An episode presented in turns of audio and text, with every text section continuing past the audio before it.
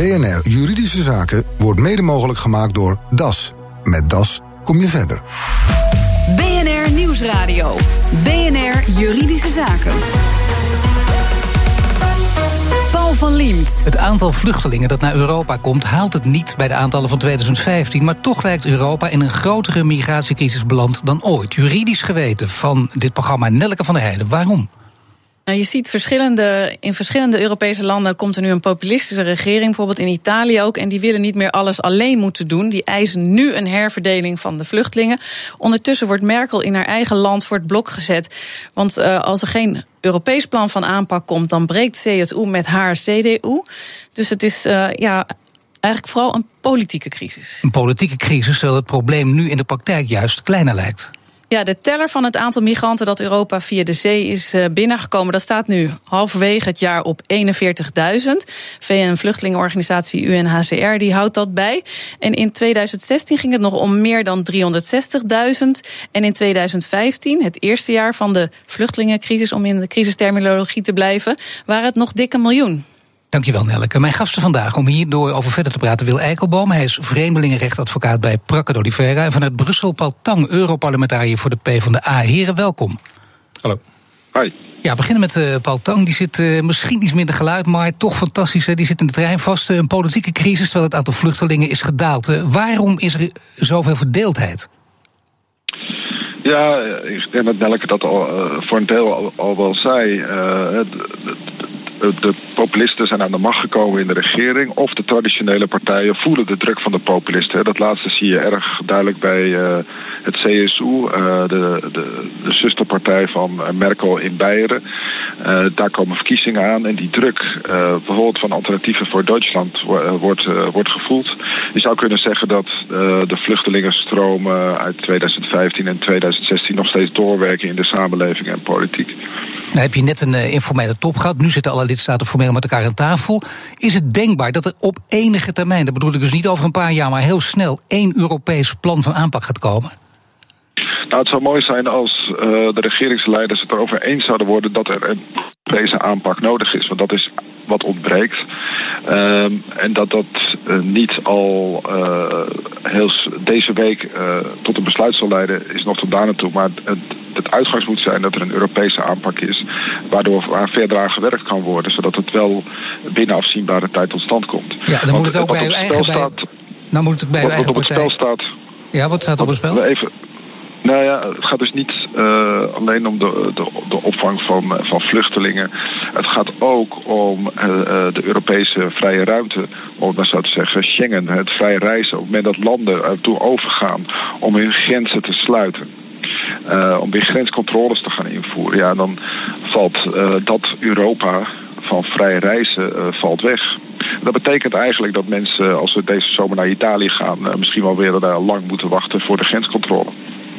Ja, maar ja, goed. Ik denk dat uh, Wil Eikelboom dat niet het allerbelangrijkste punt is. Het allerbelangrijkste punt is natuurlijk waar we mee begonnen zijn. En uh, hoe kunnen we deze migratiecrisis oplossen? En er wordt er ook over allerlei verdragen gesproken, veel gesteggel erover. Maar hebben we ons niet gewoon te houden aan verschillende internationale verdragen? Waar verder geen politieke discussie over mogelijk is? Uh, dat vraag jij mij. Ja, de, ja, we hebben ons zeker te, te, houden aan allerlei internationale verdragen. Hele belangrijke verdragen. We hebben het Vluchtelingenverdrag. Dat hebben we al sinds 1951. is uh, een groot deel van de wereld bij aangesloten. Ja. Uh, we hebben het EVRM, het Europese Mensenrechtenverdrag. We hebben het grondrechtenhandvest van de Europese Unie. Dat zijn ja, echt de kern van de rechtsstaat in Nederland ook. En daar staat in het recht om asiel aan te vragen.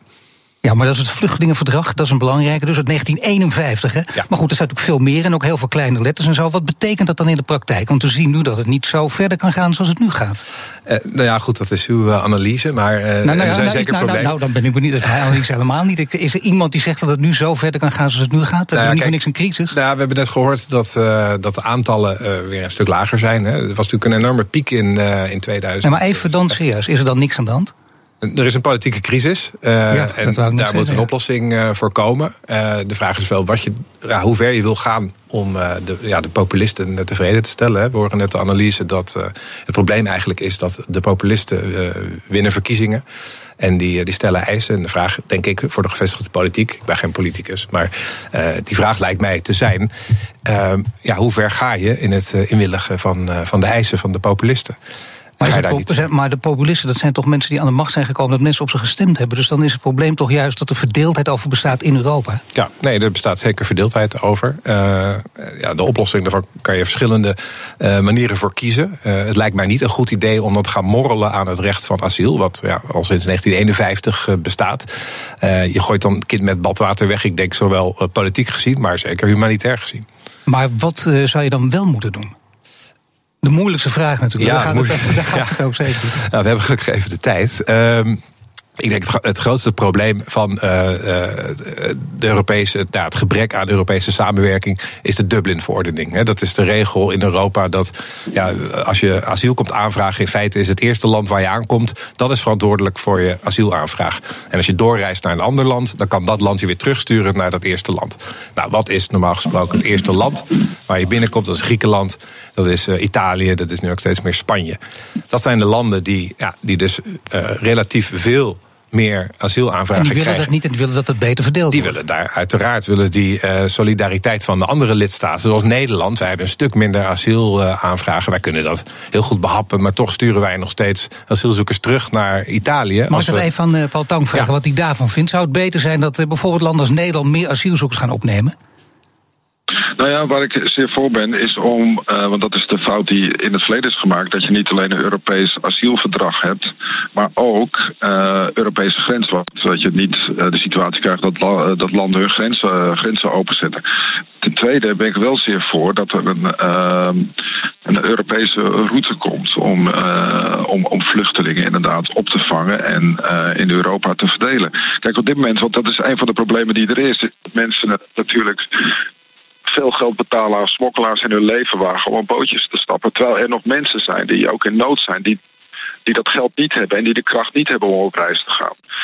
Uh, dus dat is een van de problemen. Dus nee, maar wat voor, natuurlijk, natuurlijk, maar wat voor regeling kun je dan treffen? Nou ja, een van, de, een van de. Kijk, als wij illegale routes willen afsluiten.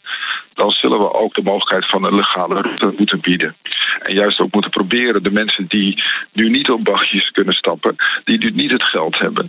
de kwetsbare vrouwen en kinderen. om die wel proberen juist uh, uit de noodsituaties weg te halen. Want dat blijft het uitgangspunt natuurlijk van het asielbeleid. Kijk, vluchtelingen in nood helpen we dat moet steeds het uitgangspunt zijn.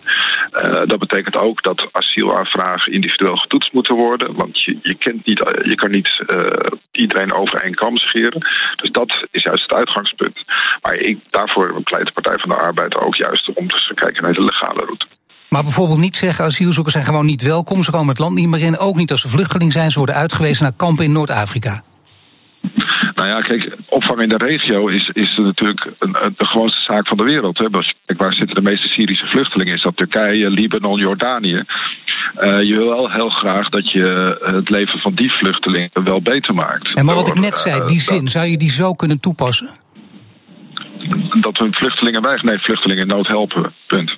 Maar hier, dit wat ik hier, uh, voorlees, wat ik hier voorlees, is een van de plannen van de Deense Sociaaldemocraten, dus uw zusterpartij uh, in Denemarken. En, en daar zegt de leider van, Sanne Larsen, die is kritisch op de Sociaaldemocraten in Nederland. Citaat: Het is gewoon triest om te zien hoe slecht de PvdA het in Nederland doet. Ik hoop dat als ze hier komen kijken, is gebeurd er, dat ze met me eens zijn hoe je migratiepolitiek moet voeren. Uh, uitstekend, maar dat, dat, is, dat is niet mijn opvatting. Uh, dat is niet de opvatting van de Partij van de Arbeid. Uh, nogmaals, het probleem, en dat hebben, hebben ook de Deense Sociaaldemocraten mee te maken, dat het nu het systeem onbeheersbaar is en dat het oneerlijk is. Uh, en dat is wat moet veranderen. En dat, dat zullen ook de Deense Sociaal-Democraten kunnen dat alleen maar Europees doen. En kunnen ook alleen maar vluchtelingen, mensen in nood helpen.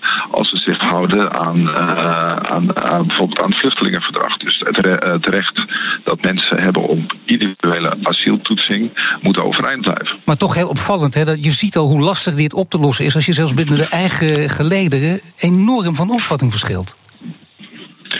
Ja, maar goed, dit, dit, de discussie is ook heel terecht. Uh, dus daarin kan je dan uiteindelijk ook verschillende keuzes maken. Maar de discussie is, uh, is terecht. Kijk, waar het om gaat is dat we nu nogmaals dat we een systeem hebben dat onbeheersbaar is en, en oneerlijk is. Nou, dat is wat, uh, wat, je, wat je wil veranderen. En daar zijn op dit moment wel verschillende antwoorden mogelijk. dus de opvang in de regio, dat is iets wat heel gebeurt. Maar wat je graag ziet is ook het, het wensdenken op rechts. Dat we dan kampen kunnen maken in Afrika, desnoods in Eritrea en Libië. Mag ik dat even van de, de voorzitter van de Vereniging van Asielrechters vragen, Wil Eikelboom in de studio? Want kan dat ook? Is dat ook juridisch mogelijk? Als je, dat, dat kan een wens zijn, maar kun je die wens dan ook juridisch vervullen? Ja, ja het, is een beetje typisch juristen antwoord, maar dat hangt er van af. In, in, puur in theorie geredeneerd is het mogelijk om te zeggen: we gaan uh, kampen in, uh, laat zeggen, nou, Tunesië opzetten. En we gaan daar asiel aanvragen. Volgens Europees recht gaan we die daar afhandelen. Als je kijkt naar de praktijk, is het eigenlijk uitgesloten dat dat zal gaan op een manier die in overeenstemming is met de regels. Iedereen die er enig verstand van heeft, die weet dat. Dus het is volslagen naïef om daarop in te zetten als je het beste voor hebt met, met asielzoekers en met vluchtelingen. Nou ja, als je het beste voor hebt, hè, maar dat is juist natuurlijk ook een vraag. Daar gaat het nou net om. Als, als we daar nou overeenstemming over was, was er verder geen discussie. Ja. Maar daarom is het juridisch antwoord helemaal niet zo erg als het zo genuanceerd ligt. Maar het zou dus wel degelijk kunnen, maar in de praktijk is het uitgesloten. Ja, en dan heb ik het echt over een, volstrekt theoretische situatie. Als je kijkt naar de, de EU-Turkije-deal, die is nu uh, nou, uh, iets meer dan twee jaar in werking. Dan, dan, gaat het dus om asielzoekers die in Griekenland zijn aangekomen. Dat is dus in de Europese Unie. En daar wordt dan in een. Die worden vastgehouden in een kamp. En dan wordt beslist: mogen ze door of moeten ze terug naar Turkije? Dat is eigenlijk een beetje een model wat dan in landen buiten Europa zou moeten worden toegepast. Nou, als je ziet dat het in Griekenland nogmaals, binnen Europa, waar alle Europese regels gelden, waar heel veel Europese subsidie is, waar Nederlandse IND'ers en rechters en allerlei mensen naartoe zijn gegaan om te helpen, dat het daar al niet lukt om die mensen eh, via een snelle en eerlijke procedure duidelijkheid te geven. Want mensen zitten daar al twee jaar met duizenden in een kamp dat, uh, dat gemaakt is voor de helft daarvan. Zitten nog in tenten, heel onveilig. Uh, breken regelmatig rellen uit. Het is nou een hele slechte situatie. Als het de Europese Unie al niet lukt om binnen de grenzen van de Unie zoiets te regelen, ja, dan denk ik dat dat ondenkbaar is dat dat in, uh, in Tunesië zou kunnen. Straks draait deze crisis uit op het sluiten van de binnengrenzen. BNR Nieuwsradio. BNR Juridische Zaken. Europa worstelt al jaren met de vluchtelingenproblematiek, maar de crisis lijkt nu het hoogtepunt te bereiken. Mijn gasten vandaag Paul Tang, Europarlementariër voor de Partij van de Arbeid, en Wil Eikelboom, asielrechtadvocaat bij Prakke d'Olivera. We hadden net al even over de Turkije-deal en met Wil, Wil Eikelboom. Uh, voor Paul Tang ook even. Wat moet er gebeuren met die Turkije-deal? Van tafel of nog even volhouden? Nou ja, kijk, op dit moment geeft de Europese Unie geeft geld aan Turkije. Dat biedt ons ook de mogelijkheid om invloed te hebben op de opvang van vluchtelingen daar. Kijk, wat, uh, wat nog eigenlijk mist in uh, de Turkije-deal is wel de afspraak om ook vluchtelingen, juist de kwetsbare vluchtelingen uit Turkije naar, naar Europa te brengen. Dat is het onderdeel wat we net al bespraken. Dat vinden landen op dit moment buitengewoon moeilijk, maar zou, was oorspronkelijk ook onderdeel van, die, van de Turkije-deal. En dat deel is nooit helemaal tot ontwikkeling gekomen. daarom heb je juist ook Europese afspraken nodig. Hoeveel vluchtelingen, hoeveel mensen in nood vangen we op en wie doet dat? Ja, dat klopt. Ja. En dat is natuurlijk het grote probleem. En vooral als je daar juridisch naar gaat kijken, misschien dat Wil Eikelboom hier wat uh, uh, licht kan werpen. Want uh, hoe zou je dat, als je het even juridisch gezien, hè, hoe zou je dat dan het beste kunnen oplossen als we er nu op de huidige manier niet uitkomen? Nou, ja, kijk, het probleem met juridische procedures, en zeker in Griekenland is het dat ze enorm lang duren. Ja. Mensen zitten al meer dan twee jaar in procedures. Je zou willen dat het Europese Hof ernaar gaat kijken. maar dan moet je eerst nationaal zijn uitgeprocedeerd. Dus die mensen moeten eerst langs allerlei schijven in het Griekse recht, hebben vaak geen goede rechtsbijstand geen tolken. Nou, het is enorm lastig. Uh, dus eigenlijk zitten we nu in een situatie dat het in een soort vacuüm, waarbij de Europese rechter er nog niks van heeft kunnen zeggen. Maar we eigenlijk wel weten dat de situatie niet in de haak is. Dus we, we moeten niet al te veel vertrouwen op uh, de corrigerende werking van de rechter in een land als Griekenland. Nee, juist omdat dat gewoon te veel tijd gaat kosten, betekent op korte ja, het is, dit is altijd, hè, maar hier helemaal duidelijk korte, lange termijn heel erg uit elkaar houden. Ja, en daar, ja, daar, het probleem met het Turkije-deel, een van de grootste problemen is, is dat het van de een op het andere moment in werking is gesteld.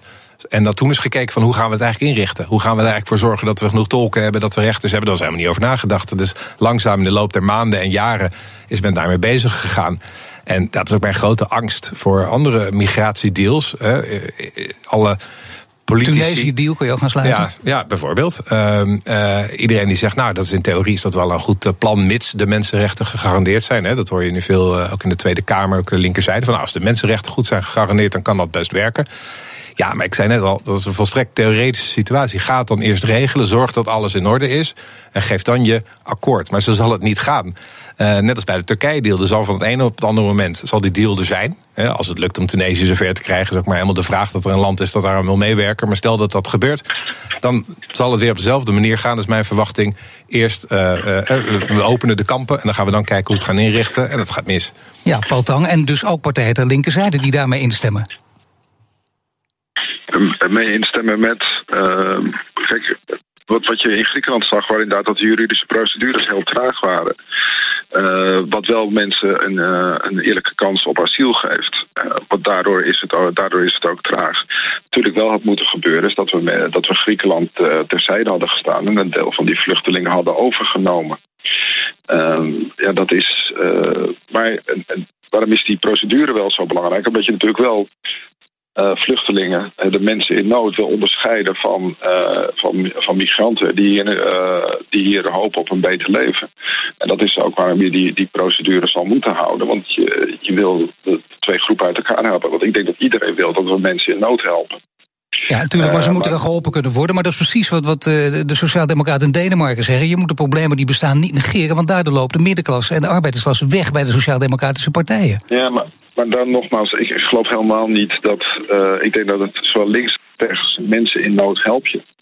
Als iemand een ongeluk helpt, dan ga je er naartoe en dan loop je er niet voor weg. Ja, maar dan zou het uh, makkelijk zijn op te lossen. Dan zou het betekenen dat je dat de wereld nu te, te, te verdelen is mensen die wel willen helpen en mensen die niet willen helpen. Nee, wat, wat je ziet is dat er ook heel veel mensen op boten stappen die, uh, die wij niet, niet beoordelen als een, als een vluchteling. En dat is, dat is, uh, dat is waardoor de problemen ontstaan. Als alleen de vluchtelingen zich zouden wel, dan zouden wij, uh, zouden wij dat aankunnen. Maar dan staat ook andere migratie, met name uit Afrika. En daardoor is waar de problemen ontstaan. En wat zou nu op korte termijn, want daar gaat het nu over. Lange termijn hebben we gezien, dat is vrij lastig. Eh, zeker ook in, in dit gesprek wat wij nu voeren. Wat zou je dan op korte termijn kunnen doen? Die controles echt heel stevig maken. Dus ook met meer mensen en dus ook met meer geld? Ja, ik denk dat je, nogmaals, het moet, het moet Europees. We kunnen niet de problemen alleen aan Italië en Griekenland laten. We kunnen ook niet dat we het vrije reizen en de interne markt uh, de, laten bezwijken onder deze druk, doordat landen grenzen gaan sluiten. Uh, dus er zal een Europese aanpak moeten zijn. En vervolgens moet je heel hard werken om die aanpak ook uitgewerkt te krijgen. Maar die aanpak komt er toch niet als je ziet dat een heel belangrijk land als Duitsland hopeloos verdeeld is? Nou ja, dat, dat, dat, is nog, uh, dat is nog te bezien. Je ziet natuurlijk dat Angela Merkel en het uh, eh, CDU in Berlijn wat degelijk inzet op de Europese aanpak. En ik denk eerlijk gezegd dat dat ook nog de meeste kans van slagen heeft. Uh, dus alleen, ja, het, het is niet van vandaag op morgen, dat is duidelijk. Nee, ik geloof dat de stationsomroeper uh, ons nu te veel gaat worden. Maar ik ga daar maar even naar Wil, Wil Eikelboom. En dat betekent dat uh, uiteindelijk, natuurlijk is niets onmogelijk. Want anders dan, doe je, dan zeg je de, het is uitgesloten. Maar een korte termijn oplossing lijkt toch onmogelijk. Dat, dat betekent dus dat de Europese de EU het met elkaar eens zou moeten worden. Ja, ja, kijk, als je het niet eens wordt over bepaalde kernwaarden, eh, zoals nou, uh, wat, wat Paul Tang zegt, en terecht, uh, de echte vluchtelingen, de mensen die bescherming nodig hebben, die, uh, die vangen we op. Kijk, als iedereen het daarover eens is, dan denk ik dat je eruit komt. Maar er zijn landen, partijen in die landen uh, waar dat niet zo wordt gedeeld. Ja, zelfs binnen, dat uh, met Paul Tang ook gemerkt, zelfs ja. binnen de eigen partij. Ja, ja, en zolang dat zo is, zolang je daar niet over eens wordt, dan wordt het wel heel lastig om afspraken te maken over Ik dank uh, Paul Tang van de PvdA vanuit de trein en Wil Eikelban van Prakke d'Olivera. BNR Nieuwsradio. BNR Juridische Zaken. Bijna 72 jaar oud was de luisteraar die zich voor de gelegenheid Jan Jansen noemt toen hij verliefd werd. Maar het samenwonen is niet alleen roze geur maneschijn, merkte de pensionado in een verslag van Nelke van der Heijden. U heeft op latere leeftijd de liefde gevonden. Hartstikke mooi natuurlijk. Maar het heeft ook wel wat gevolgen voor uw inkomen. Hoe zit dat? Ik eh, ben gepensioneerd. Ik heb twee pensioenen: een AOW-pensioen en een pensioen bij de ABP. En Sinds mijn eh, vriendin bij mij is ingetrokken, worden beide pensioenen gekort. De ABP-pensioen is met uh, eh, 60 euro per maand gekort. Dat viel mij eigenlijk nog wel mee. Maar de Sociale Verzekeringsbank, die het AOW-pensioen uitkeert, heeft mij uh, met ongeveer 300 euro per maand gekort. De situatie is dus dat mijn maandinkomen met 350 euro op achteruit gaat. Ja. Terwijl mijn kosten nagenoeg verdubbelen. doordat uw vriendin bij u is ingetrokken. Maar kan die zelf dan geen geld verdienen? Als het een, Nederlandse vrouw geweest zou zijn, dan zou dat misschien wel kunnen. En daar is de regering waarschijnlijk ook van uitgegaan toen de AOW op dit punt is uh, aangepast. Maar zij komt uit het buitenland, spreekt geen Nederlands, moet zien in te burgeren in uh, drie jaar tijd. Dat wil zeggen dat ze vijf Nederlandse examens moet afleggen. Verder moet ze een participatietraject volgen en een oriëntatie op de Nederlandse arbeidsmarkt. Nou, dat is allemaal prima, maar dat moet in drie jaar. En als dat niet lukt, dan wacht er ook nog een boete van 1250 euro. En verder verricht zij hier uh, mantelzorgtaken. Ik ben drie keer aan mijn hart geopereerd en kan maar 100 meter lopen. Dus ja, dat speelt allemaal bij elkaar een rol. Dus als ze al werk zou kunnen vinden, dan komt er van die inburgering waarschijnlijk helemaal niks terecht. Nee, precies. Er zitten te weinig uren in een dag eh, wat dat betreft. En omdat zij dus eh, ook kosten met zich meebrengt, bent u duurder uit en is uw inkomen achteruit gegaan. Ja, wat nu? Dat is natuurlijk vraag. Uh, zijn er uitzonderingen op gevallen zoals deze? Bestaan er hardheidsclausules of, of wat dan ook? Maar dit lijkt mij specialistenwerk. Mark Heemskerk van Held Advocaten. Kan Jan Jansen nou inderdaad iets beginnen tegen deze kortingen? Het korte antwoord is eigenlijk dat hij niet veel kans heeft om hier wat aan te doen. En het langere antwoord? Nou, de AOW uh, eh, zit inderdaad zo in elkaar dat als je uh, gaat samenwonen, dat je dan een uh, lagere AOW krijgt. Ja, en ook echt zo'n fors bedrag van dik 300 euro. Ja, ik heb het uh, opgezocht. Netto is het, als je alleenstaand bent, zo'n 1114 euro. En als je gaat samenwonen, is het uh, 768 euro. Dus dat is inderdaad een fors verschil. Maar deze mevrouw heeft helemaal geen inkomen. Maakt dat dan helemaal niks uit? Voor de uh, hoogte van het pensioen niet. Want dat, dan is de status samenwonend of alleenstaand beslissend. Ja, er wordt dus verder niet naar de persoonlijke situatie gekeken. Nee, er wordt eigenlijk niet naar gekeken. Ja, de gedachte is natuurlijk wel, want die zitten wel achter, dat als je samenwoont, dat je dan de, de kosten kunt delen. Alleen in dit specifieke geval, de Filipijnse liefde, is het natuurlijk niet een dame die ook zelf AOW heeft. Maar is er toch ergens nog een klein gaatje dat het de moeite van het bezwaar maken waard maakt? Ja, dan moet je wel heel creatief worden en het op internationale verdragen gaan gooien. Maar ik heb daarover nagedacht en ik zie het eigenlijk niet gebeuren. En geldt voor zijn pensioen hetzelfde als voor zijn AOW? Voor zijn pensioen geldt normaal gesproken eigenlijk iets anders. Alleen bij dit specifieke pensioenfonds, het ABP, is er in de hele kleine lettertjes ergens een regeling opgenomen die zo'n korting ook mogelijk maakt. Dus ook daar geen ruimte voor eh, bezwaar, of wel weer te proberen, maar. Ja, het is te proberen, maar ik, ik zou het niet doen. Ik begrijp dat dit geen vrolijk verhaal wordt, maar de, de kans van slagen is gewoon niet groot. Ja, dat is een weinig hoopvol bericht dus van Mark Heemskerk... die behalve advocaat ook hoogleraar pensioenrecht is. Heeft u ook een juridische vraag? Mail hem naar juridischezaken.bnr.nl. En dit was de uitzending van vandaag. U kunt de show terugluisteren via bnr.nl slash juridische zaken. En de laatste aflevering van onze podcast Dooddoeners staat online... over de dood en de belastingen. Dooddoeners, dat is een podcastserie over de erfenis. Kijk voor de hele serie op bnr.nl slash dooddoeners. Mijn naam is Paul van Diemt. Tot de volgende zitting. BNR Juridische Zaken wordt mede mogelijk gemaakt door DAS. Met DAS kom je verder.